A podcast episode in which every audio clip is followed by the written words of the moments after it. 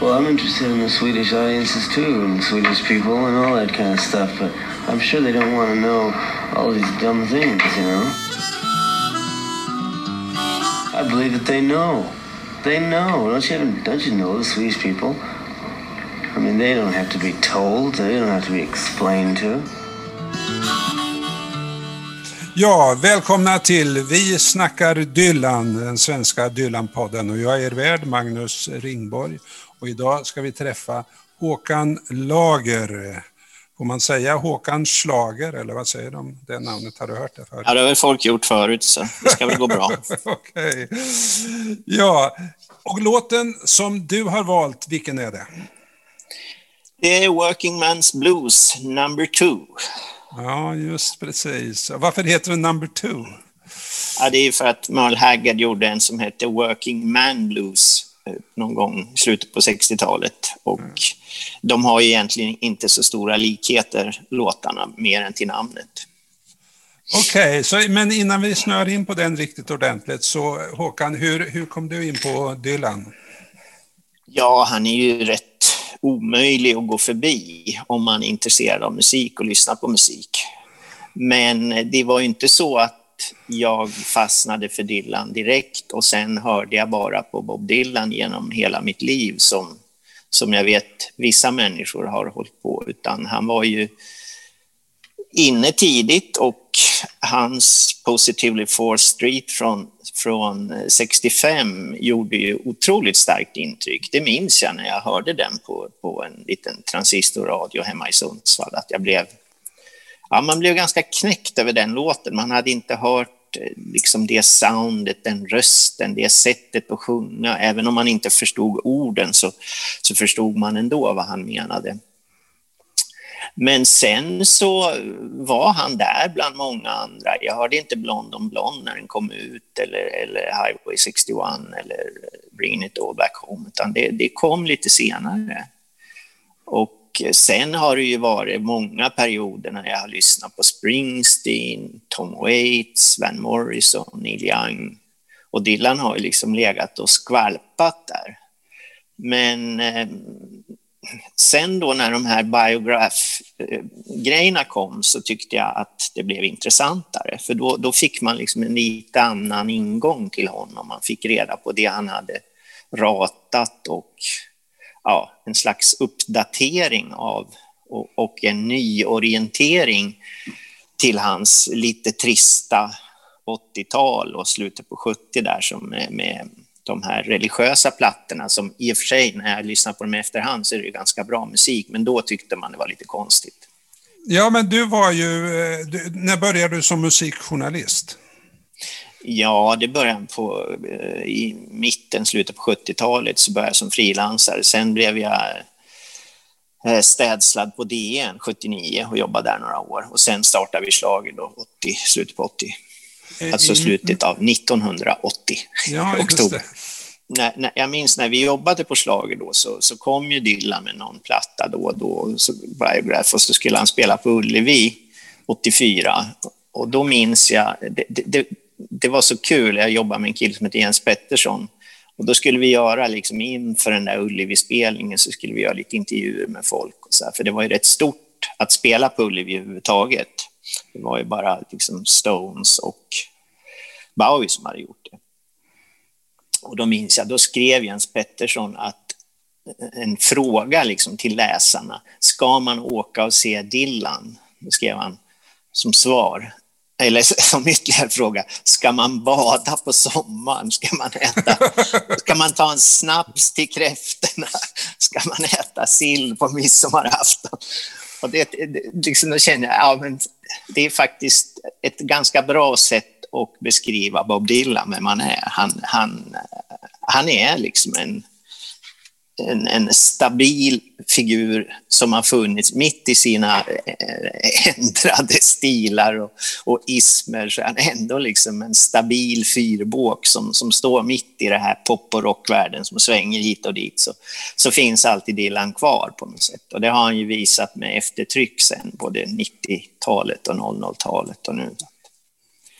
Du kommer inte runt honom. Man, man tar snapsen på midsommarafton och man lyssnar på Dylan och försöker se honom så ofta som det går. Alltså, tidningen Slager eh, kom ju, började 81 va? Och den var... 80, hösten 80. 80 och, och, och, var det inte så att det var en efterföljare till Musikens makt som på ett sätt dominerade Nej, det var, en, det var i opposition till musikens makt, skulle jag säga. För att det var flera av oss, inte alla, men flera av oss hade jobbat med musikens makt och vi tyckte att den blev otroligt träig och tråkig och Göteborgsdominerad och alldeles för politisk. För att även om vi var väldigt intresserade av politik och inte minst jag själv har ju liksom någon slags sociopolitisk ingång i musiken snarare än musik, musik, musikartat så, så, så var ju slager ett, ett sätt att nu, nu, det här ska handla om musik. Sen hade vi ju attityd och gilla viss typ av musik och kanske inte gilla annan typ av musik, men musikens makt blev ju alldeles för, för snäv på slutet. Jag menar, man, jag fick mer eller mindre sparken från musikens makt för att jag skrev någorlunda positivt om Magnus Ugglas. Eh, varför ska man ta livet av sig när man ännu inte får höra snacket efteråt?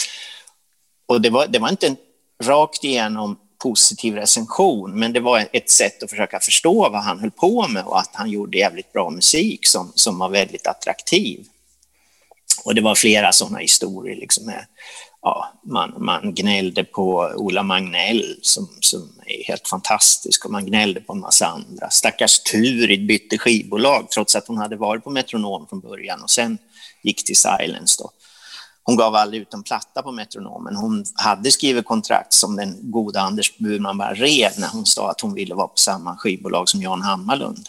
Och det skrev man ju också i Musikens makt om att det var förfärligt. Och så. så att, ja, det, det, blev väldigt tråkigt på slutet och då snackade vi ihop oss, jag, Bengt Eriksson, Tore Sonesson, Mats Lundgren och några till Så att vi, vi måste ju göra en egen tidning. Och det ångrar jag verkligen inte. Det blev ju jätte, jätteroligt och jättebra. Det, det, proggen har ju, om man kallar det så, eh, haft bekymmer med eh, Dylan genom åren, eller hur man ska förhålla sig till honom politiskt och hur han har förhållit sig också. Eh, skrev ni någonting om, om honom i slager? Vi skrev mycket om Dylan och vi hade inga problem att förhålla oss till honom. Vi, vi älskar ju Dylan, eh, vi som var där. Så att eh, det, och jag menar, de flesta som jag känner som så kallade progmusiker har ju gillat Dylan. Jag menar, Mikael Wiehe som är väl en av proggens eh, gudfäder, eller förfäder. Han har översatt 65 låtar av Dylan. Så att han, han, han var ju, jag menar Dylan var ju super superpolitisk på 60-talet så att han, han jag, jag, jag såg inte att, det, att man hade några problem med honom. Nej, men det kunde ju vara så att man eh, tyckte att man avföll i perioder och, och vi skrev ju det här Vem kan man lita på? Då var det ju Zimmerman stucket med miljonerna, så det var inte alltid så enkelt. Nej, men det var ju, ja. Du, eh, sen har du skrivit en eh, kärleksbok till Dylan. Berätta om det. Ja, eh, det var, det var faktiskt en olyckshändelse om jag ska vara helt ärlig. Det var så att jag eh, gav ut en bok på Norstedts eh, som blev väldigt dåligt marknadsförd. De helt enkelt skickade inte ut recensionsexemplar. Och jag och en del andra författare upptäckte det där så småningom. Och några, någon eller några författare lämnade förlaget och jag blev väldigt upprörd. Och eh, de bad om ursäkt på ett väldigt fint sätt. Bjöd på middag några av de redaktörer jag jobbade med och sa vi ber om ursäkt för det här. Det var verkligen otroligt klantigt att inte skicka ut recensionsexemplar på den här boken. Det var jag själv som upptäckte det, för jag tänkte varför kommer inga recensioner? I alla fall så säger de, vad vill du göra nu? Och då säger jag då att ja, Dylan har man väl alltid tänkt att skriva något om. Ja, klappat och klart, då kommer det kontrakt direkt. Här får du förskott och nu ska du skriva om Dylan. Så det, det, det, var faktiskt inte helt genomtänkt, men sen när jag väl började så är jag jätteglad, för det var ju fantastiskt att sitta med Jörgen Lindström som är en av världens bästa och mesta Dylan-experter och göra en jättelång intervju med Issy Young, då, som man kan säga en av de som upptäckte Dylan, plus en massa andra människor. Så det var, det, var, det var ett kärleksprojekt för att de människor som jag var ute och träffade hade ju alla en väldigt nära och speciell relation till Dylan. Ja, så du valde den vinkeln att, att eh, hitta personer kring Dylan kan man säga. Och, eh... Ja, det var ju det här att försöka förstå varför, varför man blir så otroligt Eh, fascinerad av den här killen och hans musik och hans liv och hans attityd och hans sätt att se på saker och ting. Alltså, folk kan ju, vi kan ju inte sluta och fascineras av, av, av den här. Han är ju som en, han är ju liksom rockens Picasso. Man kan aldrig riktigt förstå sig på honom. Och han har ju naturligtvis, eftersom han har hållit på så många år, gett en massa intervjuer. Men det blir ändå inte riktigt klarlagt vem han är. Han, han är ju ett mysterium och det är väl den typen av artister som jag är väldigt fascinerad av. I'm not there, du vet den där filmen där, där de använder ja. fem skådisar för att visa olika Precis, sidor. det var ju genialt. Det var ju genialt gjort. Nej, men som Van Morrison, han är ju ännu hemligare, gör ju ännu färre intervjuer. Och eh, liksom de, de personerna som bara uttrycker sig genom sin konst är ju verkligen speciella. Jag menar, jag lyssnade extremt mycket på Bruce Springsteen under ett antal år. Men sen känner man liksom att han har ju sånt enormt behov att förklara sig, att berätta om sin konst, att säga så här skrev jag den låten, så här tänkte jag då, så här var det då. Och det jag måste säga så här i efterhand, det är inte så att det förhöjer konsten tycker jag, utan det snarare förminskar den. Man, jag tröttnade på Springsteen, kanske inte bara på grund av intervjuerna utan också på produktionen och att det blir lite likartat efter ett tag. Men en sån som Dylan, liksom, när man vissa låtar, man har ju aldrig fått reda på från honom varför, vad, vad de handlar om egentligen. Han, han, han säger något liksom och så tänker man, nej, det där kan inte stämma.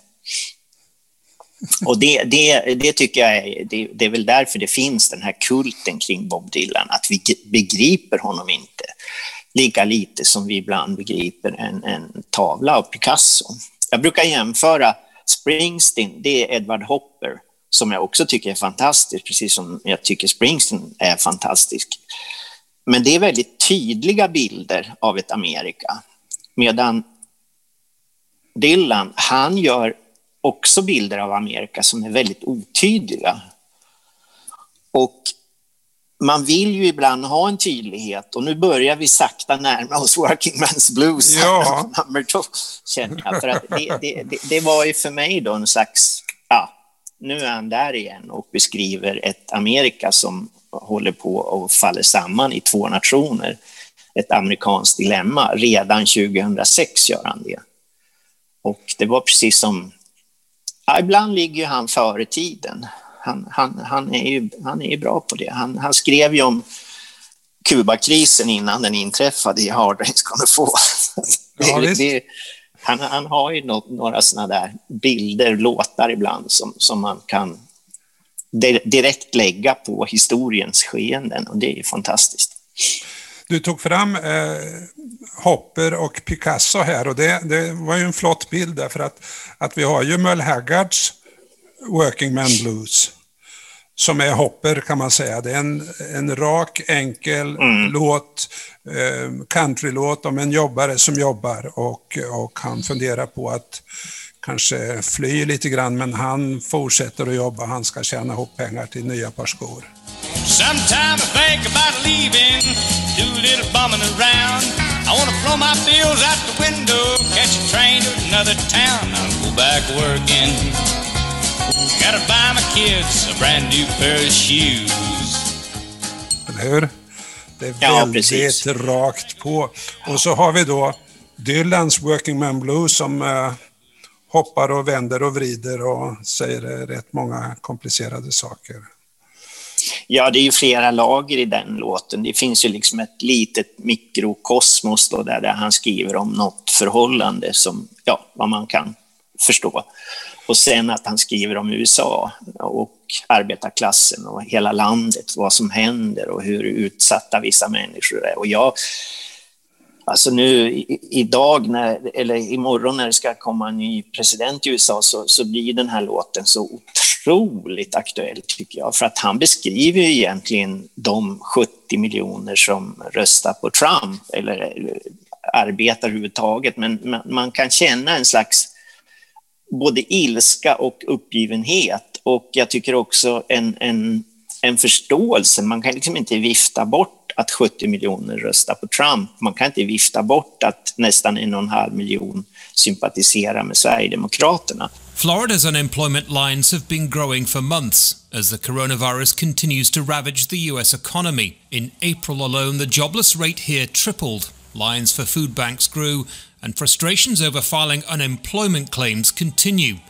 Det finns ju någonting här, något som de här människorna känner som inte får sitt uttryck i, eh, vad ska man säga, demokratiska och eh, normalpolitiska fåror, utan de, de, de söker sig till något annat. Och det, det tycker jag den här låten, om man, om man läser den noga och tittar på den noga så, så, så, så ger Dylan uttryck för, för de här känslorna som, som framförallt finns då i USA med en, en arbetarklass som känner sig väldigt sviken. Ja, för igen om man tar fram Möll Haggards låt så är ju det en kille, han jobbar men jobbet finns där. Han, han får en lön även om han är mager mm. och, och kan kämpa på. Men, men hos Dylan så är det ju som att det har krackelerat. Eh, så ja, finns det någonting kvar? Precis. Nej, men eh, det är en typisk countrylåt. Det finns ju jättemånga sådana som, som är gjorda. Medan den här är ju på vanligt dylanskt sätt oerhört poetisk samtidigt som den beskriver en, en väldigt krass verklighet. Men han, han kan ju inte skriva en krass och, och, och, och, trist låt Dylan, utan det blir ju poesi hur han, än, hur han än bär sig åt och det är ju det som är så fantastiskt. Men om man går tillbaka till hans tidiga eh, låtar från The Times Are Changing, så där, där fanns ju mm. The Ballad of Hollis Brown och, och eh, North Country Blues. Ja, visst. Och, och där är det ju, de är ju väldigt raka berättelser och de handlar ju också om arbetare som sliter men att det rycks ifrån en. Man är, man är övergiven. Eh, den ekonomiska basen har, har, har försvunnit och, mm. och, och det, är, det är disaster alltså. Mm. Jo men visst, han är ju han är bra på det också. Det, det, jag ska inte säga att det alltid blir poesi, ibland är det väldigt rakt som Hurricane och George Jackson och sånt där. Det är, det är, ju, det är ju raka berättelser som han också är en mästare på tycker jag. Att komprimera ett ganska komplext skeende till, till några verser. Men det är ju rätt märkligt. Hur, hur, kan Dylan, som han har ju varit artist i hela sitt liv, han har väl aldrig haft ett avlönat arbete, hur kan han känna in i det här? Hur, hur, var kommer det ifrån? Nej, men det tror jag väl är med de flesta eh, artister som, som har kommit fram, liksom, jag ska inte säga de senaste 50 åren, jag tror det var så med många jazzmusiker också och, och klassiska kompositörer, att de kanske inte hade något, något vad ska man säga, normalt jobb. Men det, det kan ju inte göra att de är mindre känslosamma eller kan känna, precis som författare liksom kan, kan leva sig in i andra människor. Det där är ju en ja, talang och erfarenhet. Har man rätta talangen och, och skaffar sig egna erfarenheter så, så, så, så det, det, det, ser jag inte som något större problem. Jag menar, Mikael Wiehe och Björn Afzelius, hur mycket jobb har de haft? Liksom det, det, det, det, finns ju massor av, av människor som, som går rakt in i en, en, en karriär för att ja, de är så begåvade eller de har den turen. Men jag tror också att hans, hans tidiga uppväxt uppe i Hibbing, alltså där eh, järngruvorna övergavs eh, för att de var olönsamma och, och med umgänge av, med hans kamrater. Det var, jag tror i alla fall, skapade en slags grundläggande eh, klasskänsla och medkänsla. Som, ja, som jo, dyker upp då och då, ja. Union Sundown och så vidare, så kommer den upp här också i Working Man Blues. Absolut, absolut. Men eh, jag tänkte på, på en annan sak som, som när man lyssnar på den här låten så tror jag, även om man inte är Dylan-fan eller har lyssnat så mycket på honom, så kan man slås av vilken, vilken eh, krispighet som finns i det här ljudet och hur fantastiskt vilken närbild det är på hans sång och hur den låter och hur tung basen är och hur instrumenten känns eh, separerade på ett otroligt elegant sätt. Och det, det måste jag säga, jag har, jag har verkligen närlyssnat på, på den här plattan, Modern Times. Och jag lyssnade också på en låt som heter Hucks Tune, som är en outtake från Modern Times, där man också hör det här fantastiska närbilden av hans sång och ljudet. Och, och jag liksom bara tänkte att åh, vad kul att han, att han låter så bra när skivan kom. Men sen har jag läst på och sett att det här var första gången som Dylan spelade in på en dator, alltså med såna här Pro Tools, den nya tekniken, men naturligtvis med gamla mikrofoner, ett gammalt mixerbord och gamla förstärkare. Allt sånt var ju då analogt, men själva inspelningen var digital och det är liksom det, det perfekta ljudet man får då. Och, och om man lyssnar bara på, på eh, Love and Theft som kom innan då, så, och, och skivor innan. Så, och till och med Time Out of Mind som lät så fantastiskt bra och där Lanois fick såna lovord för sin otroligt smarta och duktiga produktion, vilket det också är, så, så är ljudet helt annorlunda, mycket sämre. Det, det låter liksom så tunt och ja, det, det, det, det är fascinerande. Jack Frost kallades Dylan när han producerade det här själv, eller hur?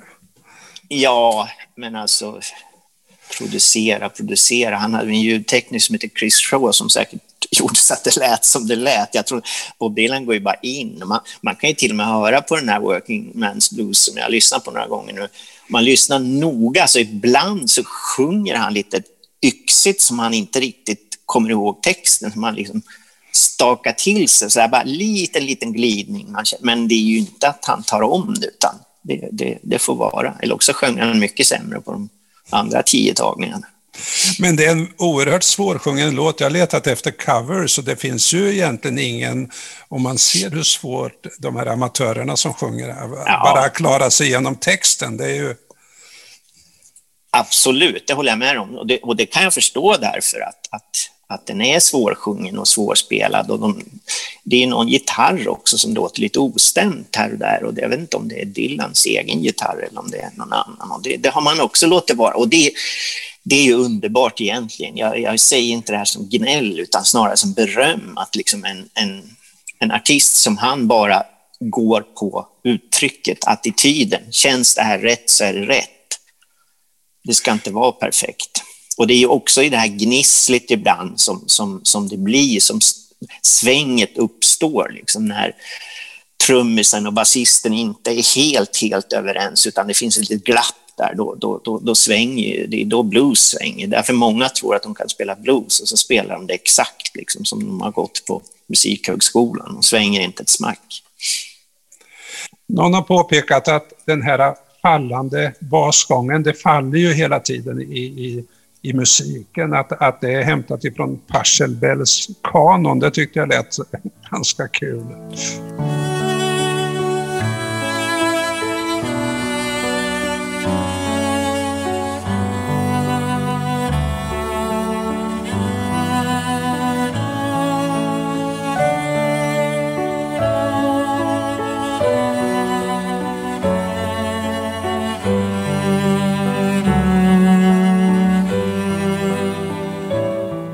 Gamla klassiska slagdängan.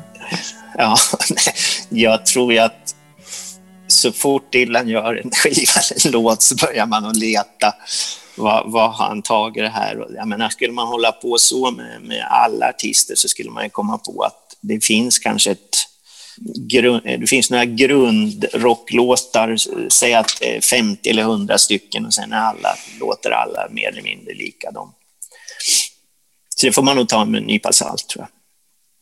Du, ska vi dyka ner lite i texten? Var, var vill du var vill du titta någonstans? Jag tycker öppningen är så himla fin. Alltså den, den sätter ju hela låten på något vis. Det här som jag pratar om, att det är både oerhört poetiskt och samtidigt väldigt down to earth, liksom att det, det är en krass verklighet. Kan du läsa några rader? Ja, jag kan ju försöka. Det, det är ju att, att häda och läsa Dylan. Det ska ju sjungas med hans röst. Men den börjar så här i alla fall. There's an evening haze settling over the town, starlight by the edge of the creek. The buying power of the proletariat's gone down. Money's getting shallow and weak. The place I love best is a sweet memory. It's a new path that we trod. They say low wages are a reality if we want to compete abroad. Ja, men här kommer man ju in i Dylan, vad han gör, både liksom en atmosfär, Evening Haze och så vidare. Och så kommer det en, någon slags marxistisk ja. analys av världsekonomin här. Alltså det är helt enormt. Exakt. Ja, det, det, det var sex eller sju rader. Va? Det, det, det, är liksom, det är nog många som önskar att de kunde skriva på det viset. Men det finns ju många, det finns många små, liksom, han säger också You can hang back or fight your best on the front line. Och det känner man ju direkt vad som, vad som sker i USA nu, liksom, om man vill hålla tillbaks eller slåss. But at the end of the day, we as the people have to be fed up and say enough is enough! Enough is enough! Enough is enough! Listen! Meet Och så sen slut. meet me at the Ja. bottom, don't lag behind, bring me my boots and shoes. You can hang back or fight your best on the front line. Sing a little bit of these working men's blues. Mm.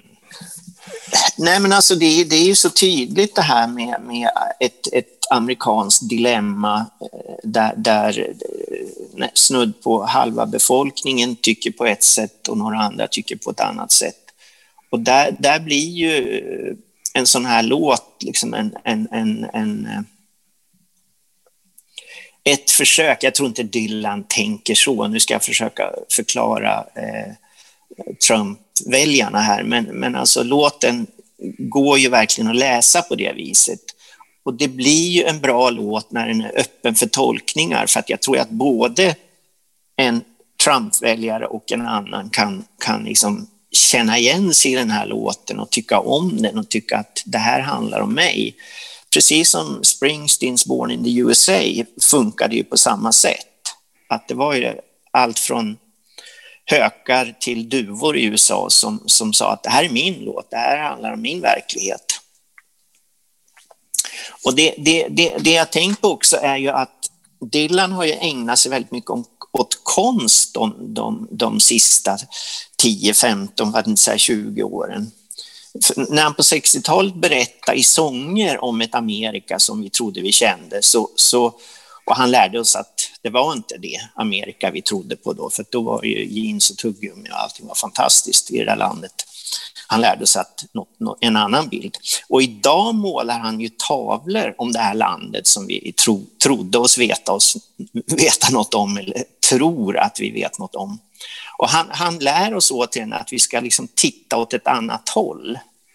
Och det tycker jag är så fantastiskt, för att de här, de här tavlorna han gör, de skildrar ett landskap utan människor, folktomma gator, ödsliga städer, ändlösa highways, eh, järnvägsspår som går rakt ut i tomma intet, ett slags wasteland.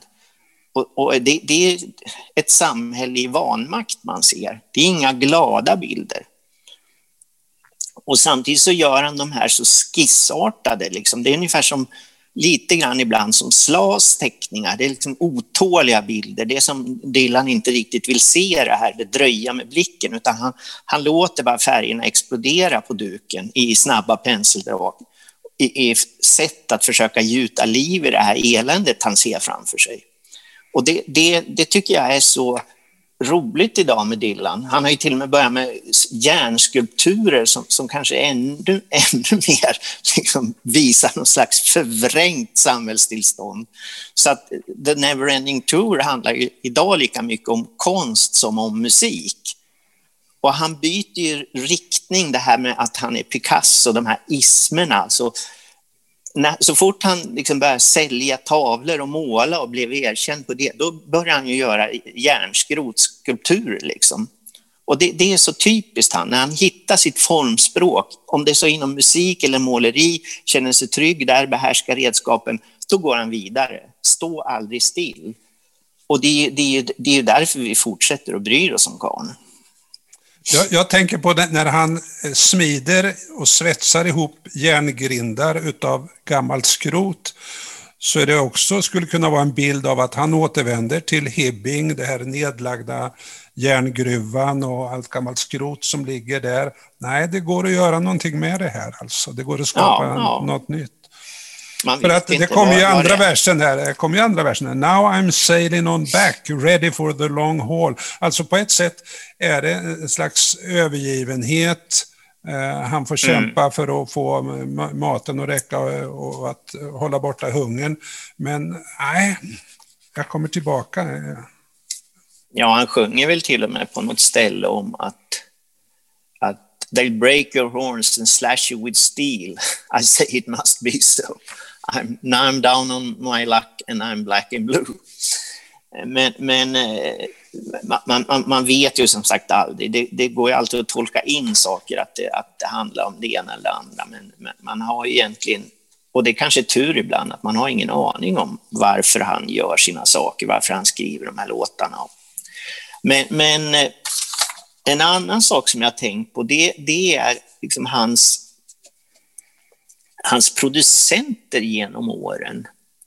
Och att han aldrig har jobbat med en kille som heter Rick Rubin, som är ju den absolut främste producenten i, i, i, i min bok i USA de senaste 20 åren.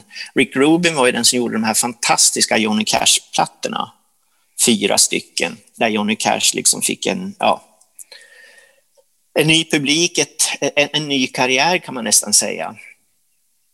Och jag läste en intervju i Rolling Stone där, där eh, Dylan verkligen påpekade att det här Johnny Cash håller på med nu, eller har gjort, det var ju rena skräpet, alltså det Rubin då producerade, medan de gamla Johnny Cash-låtarna, det var det som gällde.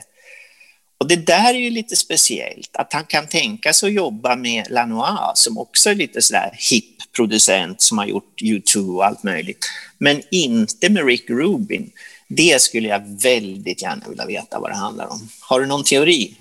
Nej, det, det där är ditt specialområde. Jag är ganska rudis när det gäller sånt, måste jag säga. Nej, men han har jobbat med, med liksom Jerry Wexler på den tiden när han var någorlunda bra. Han jobbade med Leon Russell. Han, han, han jobbade med Knopfler där på 80-talet och, och, och, bröderna Voss och sådär. Han, han är inte främmande för det, att, att jobba med, med, med producenter som, som, som liksom är i, i ropet. Men, men Rick Rubin har, och, och jag menar, de, Rick Rubin var ju dessutom chef på CBS ett tag, på Dylans skivbolag, eller en av cheferna. Så att det, det, är, det är helt obegripligt tycker jag, speciellt när man ser att han gjorde de här Johnny Cash-grejerna som är väldigt, måste ju ligga, man tror att det ska ligga Dylan nära, men det gör det inte. I hurt myself today to see if I still feel. I focus on the pain the only thing that's real till något helt annat. Eh, när man läser kommentarer till den här låten så, så tar man upp eh, sådana fragment som kommer från ett annat håll. Och det här är ju någon, en helt annan grej, men som jag tycker är spännande. Alltså han, det finns ju eh, en del referenser hos, hos Dylan i eh, klassisk poesi. Och, och i den första versen så kommer det några rader som är lite överraskande. Eh, kom och sitt på mitt knä, du är kärare för mig än, än du själv kan förstå. Och det där sägs komma från Ovidius, den romerske poeten, när han eh, sitter i landsflykt vid Svarta havet. Augustus har skickat iväg honom. Och han skriver och skriver långa klagosånger. Och han skriver, ingen lyssnar på mig längre för jag sjunger samma klagovisor om och om igen. det, det stämmer ja. ju inte på Dylan vid den här tiden. Det här är ju 2006 och då har han ju verkligen kommit tillbaka och är en av de stora eh, artisterna som också säljer mycket skivor. Men, men ändå tycker jag den där bilden av Ovidius som sitter vid Svarta havet, är det någon som lyssnar på mig längre? Ja, eh, han hade väl någon annan också som han snodde någon line ifrån här, var någonting om att sömnen är en slags död, var det inte så? Jo, just det. Någon Henry Timrod som inte jag ja, känner till alls. Men jag menar, han är han är väldigt beläst, Dylan. Han, han läser ju mycket. Jag menar, han har ju all tid i världen att läsa på alla sina långa resor, så det är klart han, han gör det. Och har ju alltid gjort, alltid varit intresserad av det. Det märker man när man, när man läser hans egen så kallade självbiografi, att han, han, han är en man inte bara av musik utan även av litteratur. Så finns det en rad som heter I sleep in the kitchen with my feet in the hall. Mm. Det är ganska roligt och det där har han, sägs det då, kapat från Robert Johnson och Robert Johnson är ju en stor idol för Dylan, den gamle bluessångaren. Mm. Mm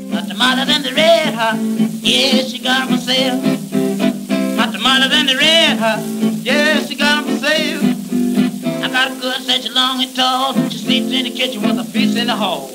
Hot tamales and the red hot. Yeah, she got them for sale, I mean. Yeah, she got them for sale, yeah. Men jag tror att det är så att han, han fångar upp vissa uttryck och så sparar han dem i huvudet och så, ah, den där kan jag peta in i den här låten och så blir det lite uh, udda och så skapar det det här som du beskriver, det, en, slags, en slags glapp som gör att man Mm. Vad var det här egentligen? Nej, men absolut. Men, men som sagt, det, det, man kan ju hålla på hur mycket som helst med hans texter som är fantastiska, alltså speciellt då, eh, de, de, man måste ju säga de här han skriver runt 25-årsåldern är ju, är ju helt eh, osannolikt bra och så många som är så bra. Och det var lite kul, jag såg en, ett tv-program av den här Anders Hansen, läkaren, som heter Din hjärna, där de liksom konstaterade att i 25-årsåldern så är hjärnan på topp, då är man som bäst. Och det gäller ju verkligen för Dylan, för det han vräker ur sig då på tre, fyra plattor liksom i rad är ju, är ju helt, helt oslagbart. Men oavsett, liksom, inte oavsett, men han, han gör ju naturligtvis fantastiska låtar, fantastiska melodier, fantastiska texter. Men jag måste ändå säga att det är som Grain Marcus som är en av de stora eh, musikjournalisterna i USA som har skrivit mycket om Dylan, han säger det att eh, det är inte orden, det är inte melodin, det är soundet. Det är Dylans sound som gör att vi gillar honom. Och jag måste hålla med honom. När man hör en sån här låt som Working Man's Blues så är det ett sound som ingen annan har. Det, det, det finns någonting där som, som man inte kan sätta fingret på. Det bara är där. Det var precis som när jag hörde Positively 4 Street i, i, i Sundsvall 65. Och det, det, har han behållit, inte alltid. Ibland låter det på 80-talet som man ska härma de ljud som fanns då. Men när, när, han, när han är bra, när han gör riktigt eh, riktiga saker, höll jag på att säga, då, då har han ett sound som är, ja, det är oöverträffat. Och, och det är ju så när man lyssnar eh, på de här sångerna som är lite mera, vad ska man säga, som collage nästan, att du, du, du kan inte följa texten rakt igenom som en berättelse, utan då vandrar din uppmärksamhet fram och tillbaka. Du fångar upp vissa ord, vissa fraser, vissa meningar och så fyller du i mm. själv rätt mycket. det är ju så fort man liksom gör det här att man sätter sig och kollar texten, läser texten, skriver ut den och sånt där, då, då ser man ju en helt annan eh, Dylan-låt tycker jag, än den man har hört kanske 20, 30, 40, 50 eller 100 gånger så, så, så, framträder en annan låt. Och speciellt i de här långa låtarna, Visions of Joanna, Sad-Eyed Lady, eh, Brownsville Girl, Highlands, Murder Most Foul. Alltså de låtarna är så, de är så komplexa och stora och innehåller så mycket så att det, det, det räcker ju liksom för, för, för ett liv varje låt. Och, och, där, där har han ju heller inga, tycker jag, motsvarigheter. Det, det, det, finns ingen som, som gör den typen av låtar. Eh, och, och, han, han har ju fått otroligt mycket beröm för, för sista plattan här, eller senaste ska vi säga, inte sista. Rough and Roadways. Och jag kan ju förstå om man inte har lyssnat på Dylan tidigare, att man kan tycka det är speciellt. Men jag måste säga att de som jag har pratat med och inklusive mig själv som har lyssnat mycket på Dylan, tycker jag att det, det är nästan ofattbart att man tycker den där skivan är så himla bra. Det är som, som om det, och nu har han verkligen visat att han är värd Nobelpriset och det här måste vara bland det bästa han har gjort.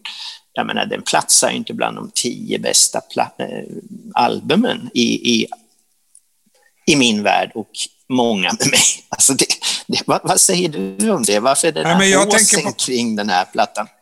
Jo, jo jag, tror, jag tror att det är många som, som, som jag som har varit med länge då och, då, och det man identifierar sig med en 79-åring alltså som, som gör någonting bra. Det, det, alltså det finns någonting i det där.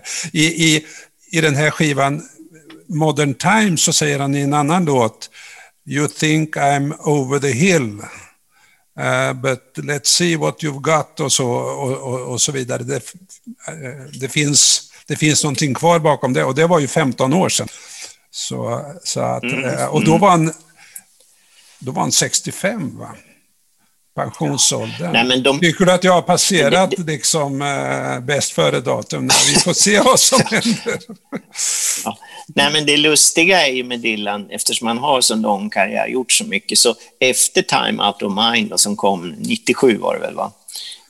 Då, då när han kommer sen med, med Love and Theft och Modern Times, och det måste jag säga, det, det gäller lite för mig också, så, så tyckte man att det här, var det här så himla bra? Liksom.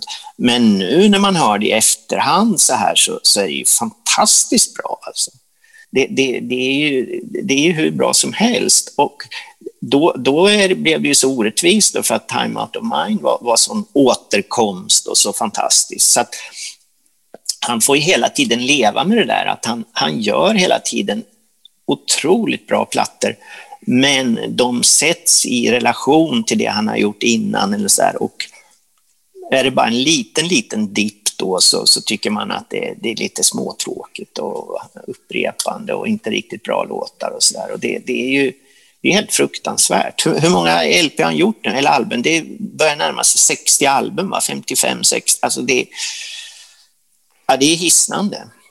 Nu ska vi börja... Och det mesta är ju bra. Ja, ja, ja. Ska vi börja plocka ihop det här nu lite? Vad, vad har den här låten, vad säger dig, den dig som person, eh, Håkan? en av anledningarna till att jag eh, tog upp den, det var ju för att jag lyssnade på den väldigt mycket i samband med att min bror dog i Sundsvall. Jag var på sjukhuset med honom, han dog i cancer och tynade bort framför mina ögon. Och eh, jag åkte upp i stort sett en gång i veckan till honom och var med honom på, på det där boendet där han låg. Och då, då lyssnade jag på den här och dels för att jag tyckte den var bra, men dels också för att den, jag tyckte den handlade lite om honom. För han hade varit jobbare hela sitt liv. Han hade varit sjöman och kört sopbil och gjort allt möjligt. Och det, det, det blev liksom att det blev någon tröst för mig att lyssna på den här låten och se honom ligga där och tänka på vårt liv och ja, hur det hade varit när vi var små i Sundsvall och lekt tillsammans och jag fick hänga med hans kompisar och lyssna på Elvis och komma in i Han var väldigt musikintresserad och spelade själv lite grann och komma in i, komma in i musiken på så sätt. Så att den har ju både den här socialpolitiskt stora liksom, paraplyet med Trump och delat USA och otroligt personlig låt också för mig eftersom eh, det var, det var ju en sorg och jag, jag läste om lite grann i den här boken jag skrev där jag bland annat beskriver då hans, hans död där och hur jag sitter och lyssnar på den här låten. Och det, det, det, ja, det grep mig fortfarande, alltså inte att jag som Björn Ranelid blir gripen av mina egna ord, att jag skriver så fantastiskt bra, utan, utan mer liksom att Dylan hittade något här som, som, som var väldigt mitt i prick. Det, det, det, kunde till och med pricka en kille som, som var från Sundsvall och varit på sjön och jobbat. Liksom. Det, det, han, han, han, han visade lite av hans liv också, hur man tycker och tänker och vad man tror. Jag menar, min bror och jag hade väldigt olika politiska åsikter, speciellt i, i, på 70 och 80-talet. och så där. Sen närmade vi oss varandra. Men Eh, det, det, det, är, det, det är en sång som, som har precis allt i sig. Liksom.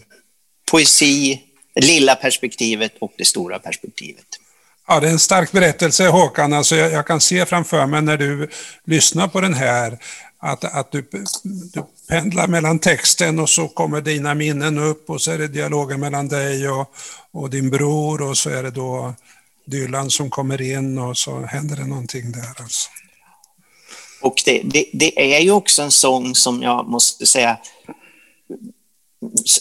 folk blir väldigt gripna av den direkt. Jag kommer ihåg Mustafa Chan som författaren som har gjort en massa fantastiska sommarprogram.